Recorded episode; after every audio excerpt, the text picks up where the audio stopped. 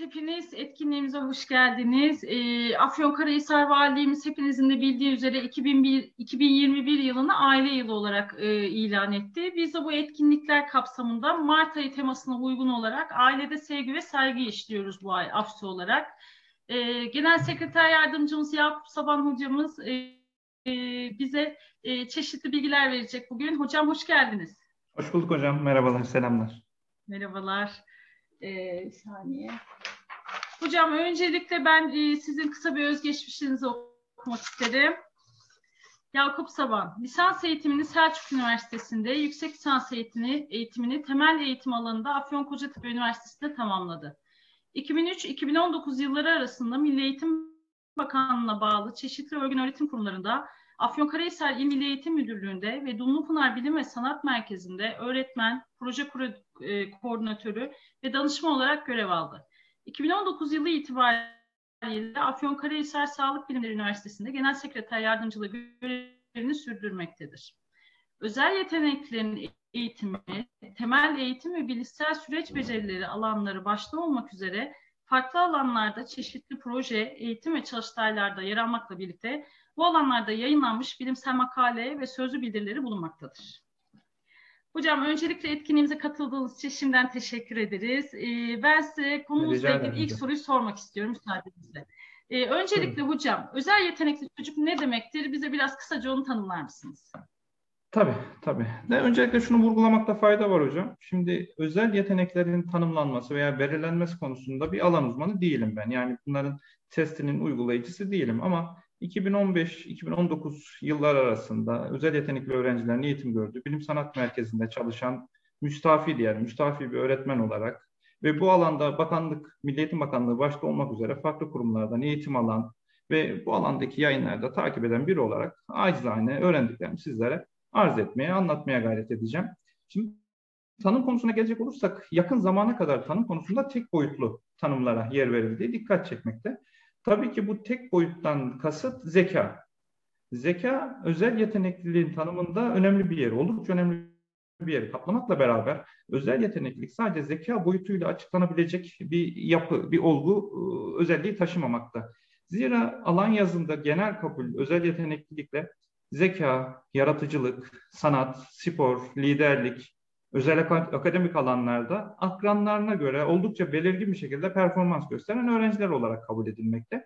Bununla beraber son yapılan çalışmalarda özel yetenekli öğrencilerin bir özelliğinin de yüksek motivasyona sahip olmaları konusunda bir takım vurgular bulunmakta. Zira özel yetenekli öğrenciler yaptıkları bir işe odaklanma konusunda da e, diğer akranlarına göre ya da özel yetenekli olmayan bireylere göre oldukça belirgin bir farklılık göstermektedirler.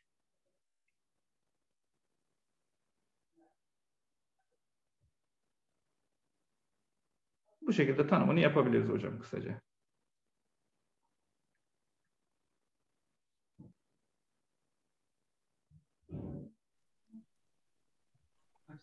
Hocam çok pardon kısa bir kesinti oldu. Ee, peki hocam e, özel yetenekli çocukların tanımlaması nasıl yapılır? Yani bir aile çocuktan... ebeveyn şüphelendiğinde acaba benim çocuğum özel yetenekli mi diye nereye başvurmalı? Anladım. Yani özel yetenekli çocukların tanımlaması konusunda farklı yaklaşımlar söz konusudur. Hatta farklı sistemler söz konusudur. Bunları birazdan daha detaylı izah edebiliriz ama bununla ilgili zaten e, Milli Eğitim Bakanlığımız son 5 yılda yanlış hatırlamıyorsam 1, 2 ve 3. sınıf düzeyinde bilim sanat merkezine öğrenci belirleme sürecinde zaten 3 aşamalı bir değerlendirme yapıyor. Bu aşamalarda şöyle kısaca izah edelim isterseniz. Ee, birinci aşamada, ilk aşamada öğretmenin aday gösterme sürecidir özel yetenekli öğrenciyi. Zira özel yetenekli öğrencileri en yakın tanıyanlar da ailesi veya öğretmenleridir. Yalnız bu anlamda e, aileler çocuklarını tanımlarken yeterince objektif olamayabilirler. Ki bununla ilgili yapılan yayınlarda ailenin aday gösterdiği özel yetenekli öğrencilerin e, üçte birinin kız çocuklarından oluştuğu, üçte ikisinin de erkek çocuklarından oluştuğuna yönelik Freeman'ın bir çalışması var. Yani bu şunu gösteriyor bize, özel yetenekli bireylerin belirlenmesi konusunda sosyal bir takım dinamikler de etkili olabilir. Bu nedenle e, yine benzer çalışmalarda zaten öğretmenlerin belirledikleri yani öğretmenlerin aday gösterdiği özel yetenekli çocukların daha isabetli kararlar olduğu da ortaya konulmuştur. Demin diyorduk ilk işte ilk aşamada e-okul sistem üzerinden öğretmenler e, öğrenciyi aday gösterirler. Burada bir gözlem formu vardır, bir rubrik vardır. Bunu doldururlar. İkinci aşamada öğrenciler genel değerlendirmeye alınırlar, bir taramaya alınırlar tablet üzerinden. Bu değerlendirmede çocukların yaratıcılık, motivasyon, zeka, işte odaklanma gibi bir takım alanlardaki becerileri ölçülür. Bu aşamayı da geçen öğrenciler üçüncü aşamaya geçerler. Üçüncü aşamada da uluslararası genel kabul görmüş veyahut işte ulusal olarak e, bir takım geliştirilmiş testler, testler var. Örneğin önceden Viskal testi diye bir psikolojik test vardı. O güncellendi. Özellikle bizim kültürümüze uygun bir şekilde optimize edildi ve şu an VNV testi adı verildi. Bu güncel VNV testi uygulanabilir. Veya yaşın uygun olarak Anadolu Üniversitesi'nde bu alanda çalışma yapan Profesör Doktor Uğursak ve ekibinin geliştirdiği ASIS testi var. Bu testler uygulanabilir. Bu testler uygulandıktan sonra zaten Bilim Sanat Merkezi'ne öğrenci kabul edilmiş olur. İlkokul 1, 2, 3'te kabul edildikten sonra da lise bitene kadar Bilim Sanat Merkezi'ne devam eder. Diyelim ki çocuğumuz 1, 2, 3. sınıf düzeyinde değil, daha küçük veya daha yüksek yaş grubunda. Bunda ne yapabiliriz? Bunda da e, bir takım destek alabileceğimiz kurum kuruluşlar var. Bunlardan en iyi tabii ki her ilde bulunan Rehberlik Araştırma Merkezi yani RAM'lar kısadı. Bu Rehberlik Araştırma Merkezi'ne de öğrencilerimizi yönlendirme konusunda biz değil e, öğretmenleri, çocuğun öğretmeni bu konuda aday gösteriyor, yönlendirebiliyor. Diğer yaş gruplarında, küçük yaş gruplarında da RAM tanımlaması olmazsa yine özelden hizmetler alınabilir. Ama bu konudaki benim tavsiyem özelden hizmet alınırken üniversiteyle ilişkili olan kurumlardan faydalanmakta fayda var. Bu alanda eğitim fakültesi bulunan üniversiteler zaten özel yeteneklerin tanımlaması konusunda zaten belli bir düzeye gelmişlerdir. Ayrıca ÜYEP gibi yani Üstün Yetenekler Yetiştirme Programı gibi Anadolu Üniversitesi'nde kurulmuş bir takım e, girişimler, özel girişimlerde bulunmakta. Bunlardan da yine destek alınabilir. Anladım. Peki hocam biz e, konuyu biraz daha detaylandırmak istersek eğer e, özel yetenekli çocukların genel özellikleri nelerdir? Özel yetenekli öğrencilerin genel özellikleri tabii bunu vurgularken öncelikle şunu söyleyelim. E, şimdi birazdan sayacağız tabii sıralayacağız ama bunların hepsi bir anda bir öğrencide bulunması beklenemez. Hatta e, yine birazdan detaylandırırız. Kimi özellikler tam ters yönünde de çeşitli sebeplerle, sosyal sebeplerle çoğunlukla e, belirtide gösterebilirler. Bununla birlikte e, pek çok toplumda ki bizim toplumumuzda da var. Mesela bilim insanlarının dalgın olması gibi veya diğer insanlara göre, e, emsallerine göre farklı bir takım davranışlara sahip oldukları gibi genel geçer ve oldukça yanlış bir değer yargısı söz konusu. Bu yanlış e, değer yargısı özel yetenekli çocuklar için de geçerli. Yani birazdan anlatacağımız çocuklar, özelliklerini söyleyeceğimiz çocuklar yine bizim çocuklarımız. Yani yeri geldiği zaman yaramazlık eden, yeri geldiği zaman şımarıklık eden, ağlayan, ebeveynlerin kimi zaman hani tırnak işareti içerisinde söyleyelim üzen çocuklarımızdan bahsediyoruz. Yani farklı bir türden bahsetmiyoruz. Tabii ki bu çocuklarımızın bir takım farklılıkları var. Ama bu farklılıklar hani bir takım ne bileyim işte tik gibi devinimlere sahip olabilecekleri, işte farklı davranışlar sergileyebilecekleri şeklinde izah edilemez. Tabii ki bu özellikleri gösteren de özellikle DH niteliğinde çocuklarda var. Ama geneli bu şekilde değil. Şimdi özelliklerine gelecek olursak bu çocuklarımızın bu çocuklarımız nörolojik anlamda akranlarına göre oldukça ileridedirler. Nörolojik olarak ileride olmaları ile ilgili de İstanbul Üniversitesi'nde bu konuyla ilgili çalışma yapan Marlene Taşçılar Hoca var. Onun bu konuda nörolojik anlamda çalışmaları var. O çalışmalarında şu ifadeyi kullanıyor. Ee, üstün yetenekli ya da özel yetenekli olan çocuklarla özel yetenekli olmayan çocukların beyinler karşılaştırıldığı zaman gelişim veya kütle anlamında belirgin bir fark bulunmadı. Ama bu beynin bölümler arasında ya da nöronlar arasında diyelim iletişim konusunda oldukça yoğun bir aktivite olduğunu ortaya koymuştur. Biliyorsunuz burada bir elektrik akımından söz edilir beyinde. Bunun deviniminin oldukça yüksek olduğunu ortaya koymuşlardır. Bununla bağlantılı olarak da özel yetenekli çocuklarımız keskin bir takım duyulara sahip olabilirler. Yani ebeveynin almadığı bir kokuyu ya da duymadığı bir sesi duyabilirler ya da ebeveynin çok önemsemediği bir kokuya keskinmiş gibi veyahut e, çok yüksek tonda olmayan bir sese yüksek tondaymış gibi aşırı tepkiler gösterebilirler. Mesela bununla ilgili bizim de bir tecrübemiz olmuştu. Ee, özel yetenekli olan ve olmayan öğrencilerle bir etkinlik gerçekleştirmiştik. Bu etkinlik esnasında da bir kettle'da suyu kaynatmamız gerekti. Ee, örgün öğretimdeki yani özel yetenekli olmayan çocuklar işte kettle'da su kaynadı mı diye sorduğumda kaynadı hocam görüyorum falan dedi. Yani sadece tek boyutlu. Zaten bu yönde de zaten alan yazında bir şey vardı. Yani gözlemin sadece görülenden ibaret olduğu şeklinde. Yani tek bir organıyla gerçekleştirdiği şeklinde bir yanlış algı söz konusudur. Ama özel yeteneklilerle aynı etkinliği yaptığımızda benzer durumda kettle'ın kaynadığını, çocuk hocam kaynadığını görebiliyorum, buharı çıkıyor, sesini fokurdadığını duyabiliyorum, ısısını hissedebiliyorum gibi başlayıp işte o fokurdayken aşağıdan yukarıya doğru bu baloncukların gittikçe işte yükselmesinden başlayıp soru sormaya başladılar. Benim soruma soruyla cevap vermeye başladılar. Sonra ben şey içerisinde o maddenin ısınması, ısı iletimi, konvansiyonel ısınma bunları anlatırken buldum çocuklara kendimi. Yani bu yönde çocuklarımız e, farklı duyu organlarını kullanarak e, çevresindeki olayları ve varlıkları detaylı bir şekilde gözlemleyebilirler ya da niteleyebilirler diyelim. Başka bir durum yine bununla bağlantılı olarak duygu durumundaki değişiklikleri, karşısındaki bireyin duygu durumundaki değişiklikleri hızlıca analiz edebilirler. Yani bir öğretmen veya bir ebeveynin morali bozuk olsun bunu hemen hızlıca hissedebilirler. Ve kimi zaman da bizatihi şahit olduğum bir husus var. Bunu kendilerine de mal edebilirler. Yani öğretmen morali bozuk, bir şeye morali bozulmuş. Siz ne kadar belli etmemeye çalışsanız onlar mimikleri çok iyi okuyabilirler, iyi analiz edebilirler. Bir şeye moraliniz bozuk hocam bizden mi kaynaklı diye sorular, çıklıklar, sıklıklar durumla karşılaşmıştık. Diğer kişisel bir özelliği bu çocuklarımız güçlü bir belleğe sahiptirler.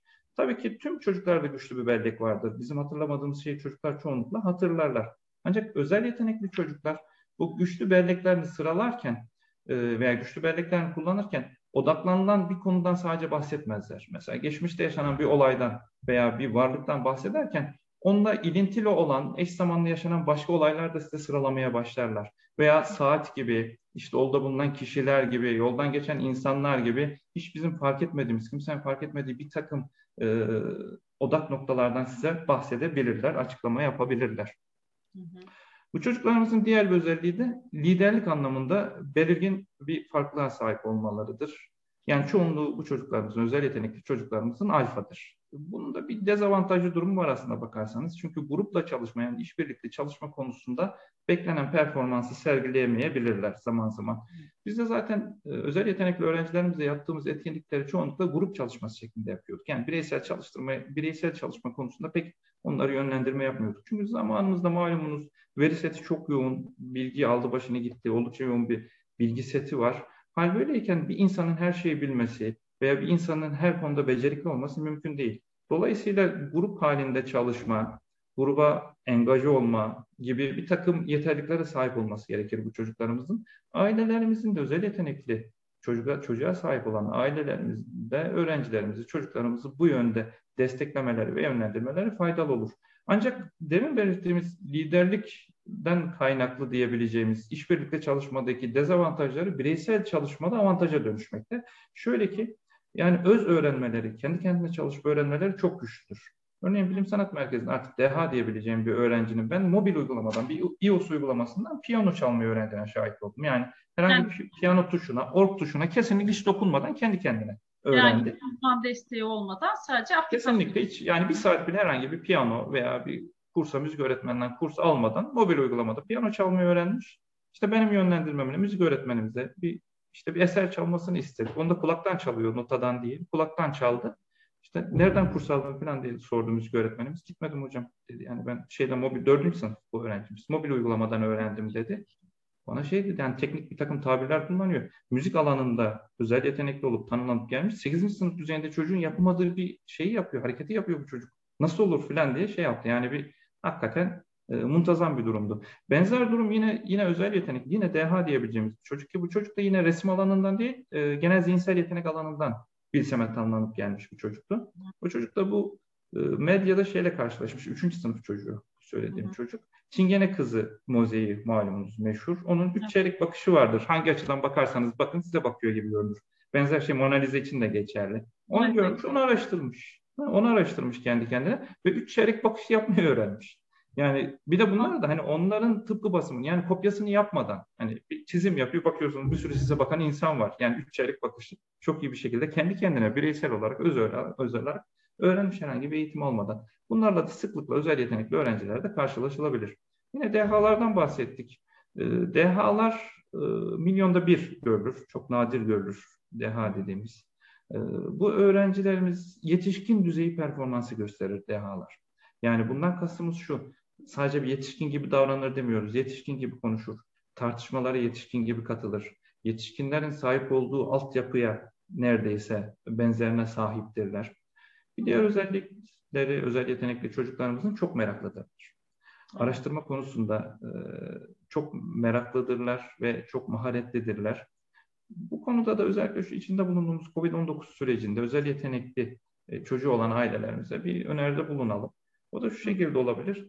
E, özel yetenekli çocuğu olan ailelerimiz çocuklarından özellikle pandemi süreciyle ilgili bilgi saklamasınlar. Buna gerek yok. Zaten evet. o sakladıkları bilgiyi çocuğumuz biliyordur. Özel yetenekli çocuğumuz biliyordur. Ya bir tartışma programından duymuştur veya işte bilgisayardan, internet ortamında oturup araştırmıştır, öğrenmiştir. Biz yaşananları onlara anlatalım. Anlatırken tabii ki seviyeye uygun bir şekilde anlatalım. Yani ilk önce olumluları söyleyelim ya da olumsuz söylerken olumlusunu da söyleyelim. Mesela işte bu hastalık e, hızlı yayılan bir hastalık ama bununla beraber işte artık tedavi protokolü geliştirilmiş bir hastalık veya aşısı bulunmuş bir hastalık gibi yani bilimsel veriler de kullanarak bu çocuklarımıza detaylı bir şekilde şu an içinde bulunduğumuz süreci anlatabilirler. Ama dediğim gibi yaşına uygun. düzeyde de bu çocuklar zaten değil mi hocam? Daha ziyade şöyle, pek çok çocuk aslında bakarsanız anlayabilecek düzeydedir ama bu çocuklarımız zaten biliyordur. Evet. Yani şimdi burada şunu da vurgulayalım. Mesela özel yetenekli öğrenciyle parlak öğrenci çok karışır birbirine. Parlak öğrenciden kastımız hı hı. genellikle işte e, sınıfta en önde otururlar sıranın. Siz bir şey söylediğiniz zaman cevabını sizin cümlelerinizle verirler. Ama özel yetenekli öğrenciler genelde böyle kendilerini gösterme eğilimi gösterirler ama bazen de ihtiyaç duymazlar. Kendilerini kendilerine ispat etme ihtiyacı duyarlar. Bu nedenle siz soru sorarsınız. Birazdan yine detaylandırırız. Onlar soruyla cevap verirler. Yani soruyla soruyla cevap verirler. Bu noktada da öğretmenleri ve ebeveynler Aslında tarafından... Hocam. Buyurun. Buyurun. Hocam biraz bağlantımız yavaş kusura bakmayın. Ben aslında anlattıklarınızdan şunu anlıyorum. Şimdi biz özel yetenekli çocuk dediğimizde e, kafamızda oluşan pozitif bir profil var. Ama bu çocukların bir kısmı böyle negatif hareketlerle aslında anne babasına özel yetenekli olduğunu ipuçlarını veriyor. Doğru mu anlamışım? Yani bizim Hocam aslında çocukta ha, negatif gördüğümüz hareketler e, özel yetenekli olduğunun işareti olabilir. Olabilir. Doğru mu? Doğrudur. Olabilir. Tabii bundaki kastımız şu. Hiperaktivite ile özel yeteneklilik çok karıştırıyor. Yani özel yeteneklilik eşittir hiperaktivite diye bir şey de söz konusu değil. Bir de hı hı. E, şöyle bir şey var. E, yani biraz önce tanımlama dediniz ya. Eğitimlerle ilgili de bu çocukların tanılanması zaten eğitimler konusunda çok büyük alan doldurmaktadır. Yani bu çocuklarımızı tanıladığımız zaman, özel yetenekli olduklarını belirlediğimiz zaman gerek öğretmenler için, gerek ebeveynler için farklı gelen bir takım davranışlarının olağan olduğunu göreceksiniz. Mesela özel yetenekli öğrenciler bildikleri şeyin tekerrüründen nefret ederler. Yani e, şu anda öyle mesela şu platformda ben size bildiğiniz bir şeyi anlatırsam hakikaten hem çok büyük bir saygısızlık olur hem de haliyle sıkılırsınız. Ama özel yetenekli çocuklarda bu çok daha belirgindir. O yüzden özel yetenekli bireyler derslerde çoğunlukla dersi dinlemiyor gibi dururlar. Veya demin söyledim ya soruya soruyla cevap verme. Öğretmen bunu kendisiyle alay ediyor şeklinde algılayabilir. Halbuki hani oradaki olarak çocuğun, algılanabilecek bir davranış. Ama oradaki çocuğun aslında alay ettiği e, öğretmen değil, bilgidir. Bilgiyle veya olaylarla, deneylerle oynamayı çok severler. Onun alay etmeyi çok severler. İyi birer yaratıcıdırlar. Yaratıcılık konusunda çok başarılıdırlar. Mesela onunla ilgili de bir etkinliğimiz vardı. Daha doğrusu yaygın bir etkinlik. Hatta turnuvalar düzenlenen bir Marshmallow Challenge diye bir etkinlik var. Bunda işte e, belli sayıda çubuk makarna veriyorsunuz çocuğa. Belli e, bir yard yaklaşık bir metre kadar bir elektrik bandı veriyorsunuz ve bir tane marshmallow veriyorsunuz. Görevleri de onlarla verilen araçlarla en uzun kuleyi oluşturmak. Şimdi ikinci, üçüncü, dördüncü sınıf düzeyindeki çocuklarla bu etkinliği yaptık. Bir de yetişkinlerle yaptık. Düşük yaş grubundaki yani çocukların yetişkinlere göre, özel yetenekli çocukların yetişkinlere göre daha yüksek kuleler yaptıklarını tespit ettik. Aynı şartlarda. Bunun sebebi aslına bakarsanız şu, yani sonuçta da şöyle bir sonuca ulaştık. Yetişkinler bu etkinliği gerçekleştirirken e, akıllarında bir takım kalıplar vardı. Yani işte kule oluştururken işte kimisi Galata Kulesi, kimisi Eyfel Kulesi bunları baz aldılar. Ama özel yetenekli öğrenciler öyle değildi. Hiçbir kalıba takılmadan tamamen sonucu odaklanarak yani en yüksek kuleyi yapmaya odaklanarak oldukça yaratıcı bir şekilde özgün tasarımlar ortaya koyup uygulayabildiler. El becerisi de bazılarının oldukça güçlüdür. Çünkü etkinlik yapmayı, deney yapmayı çok severler. Değişkenlerle oynamaya bayılırlar. Mesela ee, çok basit bir etkinliğimiz yine e, var. İşte öğrencimize aşama aşama yapıyoruz ki biz e, özel yetenekli öğrencilerle çalışırken kolaydan zora değil zordan kolaya giderdik. İlk önce zor olanı verip yapamadıkları durumda ona ipuçları sunarak yapmasını sağlardık gerektiği zaman. Çünkü kolay verdiğimiz zaman onu e, engellemiş oluruz, sınırlamış oluruz. Ellerine bir tane pil, bir tane ışık, bir tane de kısa bir kablo verip işte o ışığı yakmasını istiyorduk. Bayağı bir çabalıyorlardı ilk etapta. Ee, özellikle örgün öğretimde yaptığımız zaman bu etkinliği gerçekleştirdiğimiz zaman çoğunlukla sonuca ulaşamıyorduk. Göstermek zorunda kalıyorduk. Ama özel yetenekler çab şey yapabiliyorlar, çözebiliyorlar, ışığı yakabiliyorlar. Yaktıktan sonra pil sayısını artırıyorlar. Pil sayısını artırarak ışığın parlaklığını kontrol ediyorlar. Yani bağımlı bağımsız değişkeni, e, bağımsız değişkeni değiştirerek bağımlı değişkeni gözlemliyorlar. Ve e, özel yetenekli bireyler o ışığı patlatana kadar yani çünkü bir sürü şeyi söylemeye başlıyor. Hocam USB'nin çıkışı kaç watt? İşte kaç volt? Ya da işte şu kadar pil kullanırsak bu yanlar hadi yakın derdim artık ya en sonunda yani pes ederdim. Hatta adaptörü şey yapıp işte ucundaki şeyini kesip evden getiren hocam bir de bununla deneyelim falan diye çocuklarımız da olurdu ertesi gün. Yani değişkenlerle oynamayı, deney yapmayı çok severler. Bu tür aktiviteler çok katıldıkları için el becerisinde de hepsi değil tabii tekrar vurgulayalım. Çoğunluk, çoğunlukla başarılıdırlar. Zorluklarla baş etmeyi severler. Demin söylediğimiz gibi bildiklerinin tekerrürünü istemezler. Zorlukla karşılaşayım, yeni şey öğreneyim eğilimindedirler. Kaybetmeye ve eleştiriye çok fazla tahammülleri yoktur. Çünkü genelde başarılıdırlar. Ama bu başarılı olma konusunda da bir şey açalım. Hani demin söyledik ya e, bazıları tam tersine olumsuz yönde, tam bu söylediğimizin zıttı yönde de şey gösterebilir, özellik gösterebilir. Mesela bu konuyla ilgili çalışma yapan kendisi de eski bir bilsem öğretmenidir. Doçent Doktor Ahmet Bildiren Aydın Üniversitesi'nde. E, çalışmalarında özel yetenekli çocukların bir kısmının akademik olarak oldukça düşük düzeyde olduğunu tespit etmiş. Yani ders notlarının çok düşük olduğunu tespit etmiş. Bu konuyla ilgili de şöyle bir çıkarıma varmıştı. Ee, özel yetenekli çocuklar ilkokulda ve ortaokulun ilk yıllarında ders çalışmadan, derste dinlediği, işte bireysel çalışmalarıyla yüksek notlar alabilirler. Ama bu süreç ortaokulun sonlarında ve lisede hatta üniversitede artık e, kendini gösterme. Dolayısıyla biraz ders çalışması gerekir. Ama bu süre zarfında çocuk ders çalışmamaya alışmıştır. Ve maalesef programlı ders çalışma konusunda bir davranışa sahip değildir artık. Bu nedenle de kimi zaman akademik başarıları düşük olabilir. Ee, diğer özellikleri mizah yetenekleri çok güçlüdür. Ee, özellikle belagat konusunda yani sözlü iletişim konusunda, etkileyici konuşma konusunda e, oldukça maharetlidirler, başarılıdırlar. Çünkü e, kelime dağarcıkları çok geniştir. Hani bazen olur ya büyümüş de küçülmüş diye e, çoklukla, sıklıkla kullandığımız şey var. Bunun biraz daha belirgin olanı diyelim. Hatta yetişkinlerin kimi zaman bilmedikleri kelimeleri oldukça başarılı ve yerinde kullanabilirler. Ee, çok yönlü ve hızlı düşünebilirler. Bir soru sorarsınız. Mesela biz sıklıkla yaşardık bunu. Bir problem durumu tespit eder. Bir deney için, bir etkinlik için. O problem durumuna işte bir çözüm önerisi sunmasını isterdik. Bir çocuktan hani abartmıyorum onlarca çözüm önerisi gelmeye başladı. Ardı ardına sıralar. Bir tane bir şey söyler. Onunla ilgili benim yorum yapmamı beklemez. Hocam şu da olabilir, şu da olabilir, şu da olabilir. Çünkü bunun sebebi şu, demin söylediğim gibi çok yönlü ve hızlı düşünebiliyorlar. Yani farklı perspektiflerden bakış açısına sahipler çocuklar. Diğer bir özellikleri özel yetenekli öğrencilerimizin neden sonuç ilişkisini iyi kurarlar. Herhangi bir olay örgüsü oluşturmada oldukça başarılıdırlar. Bu yüzden özel yetenekli, zihinsel alanda özel yetenekli çocuklardan kendi kitabını yazan çok çok e, çocukla veya şiir yazan çok çocukla karşılaştım. Diğer ve özellikler, belirgin özelliklerinden birisi e, okumayı erken öğrenirler. Hatta yine demin adını söylemiştik. Anadolu Üniversitesi'nden Uğur Sak, Profesör Doktor Uğur Sak, bunun 2 yaşa kadar düştüğünü belirtmekte. 2 ve 4 arasında, 2 ve 4 arasında çoğunlukla evet. bu çocuklar okumayı kendi öğrenebilirler. değil mi hocam? Kendi Kendileri, kendi çabalarıyla veya aileyi kendileri yönlendirirler.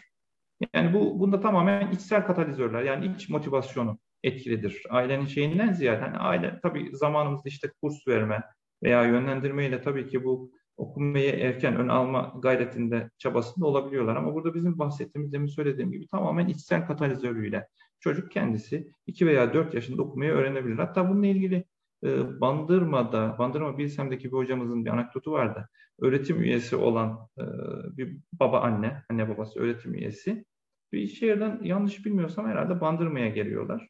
Yolda işte Kırıkkale diyor çocuk tabela yok herhalde şey oldu filan tesadüf diyor babası. Bir bakıyor Ankara diyor filan. Sonra Polatlı filan demeye başlayınca ne oluyor oluyor. Yani iki buçuk yaşında okumayı öğrenen bir çocuktan bahsediyoruz. Bu da tabii özel yetenekli midir, deha mıdır? Tabii ki bunu e, tanımlama sonucunda e, uzmanları belirlemişlerdir diye tahmin ediyorum.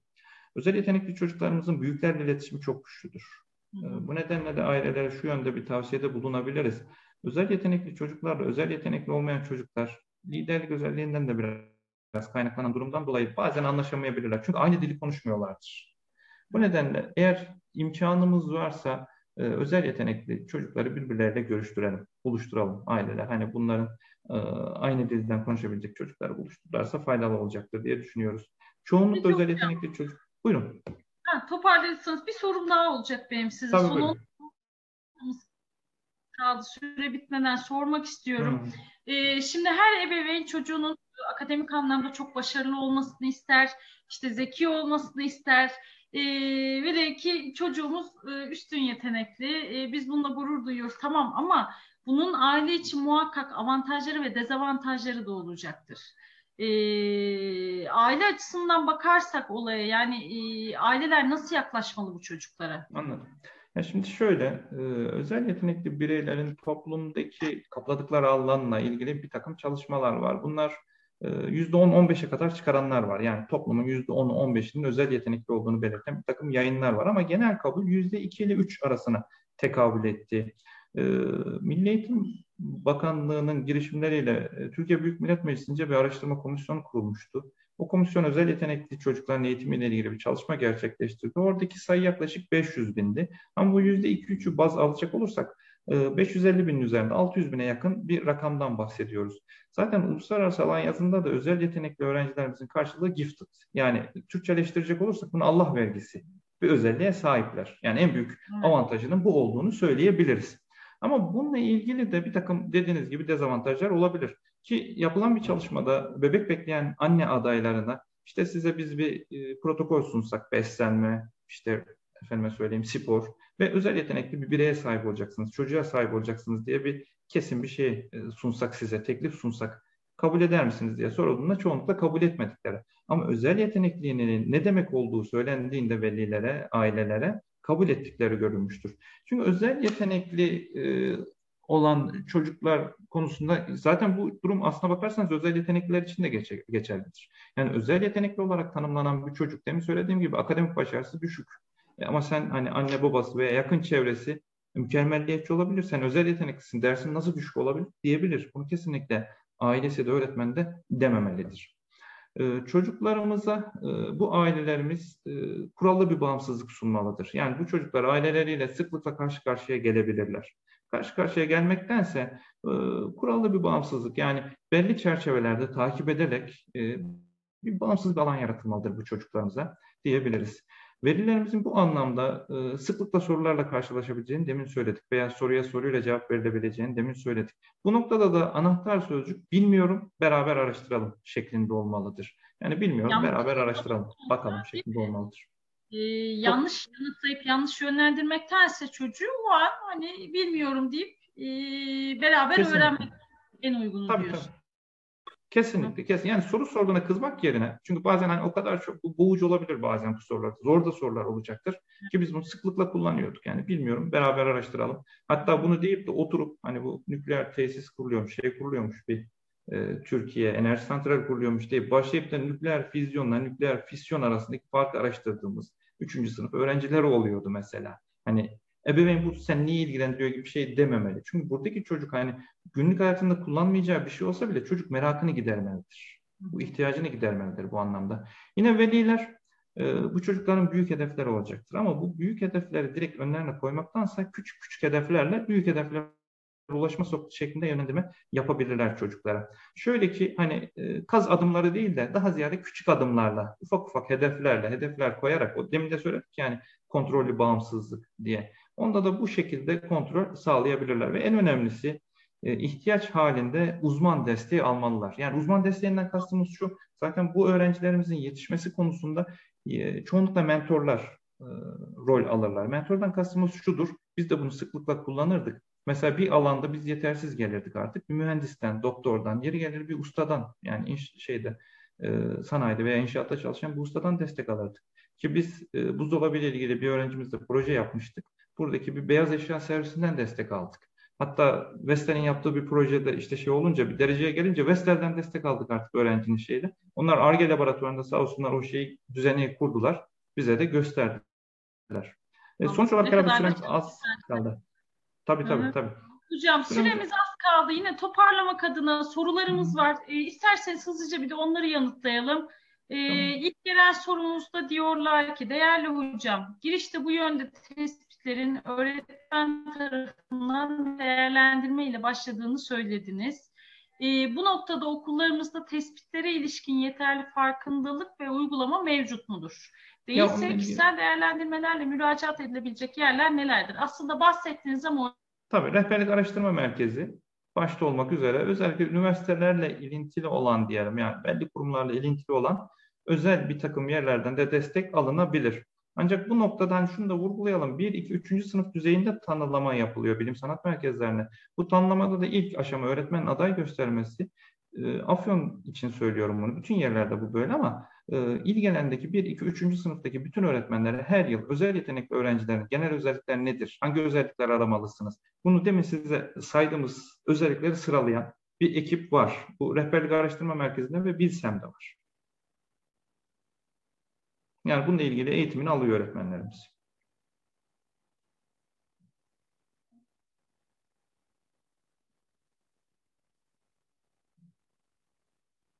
Hocam çok pardon. Ses mi kapalı yoksa? Pardon tamam yankı Hı. yapmasın diye kapatmıştım.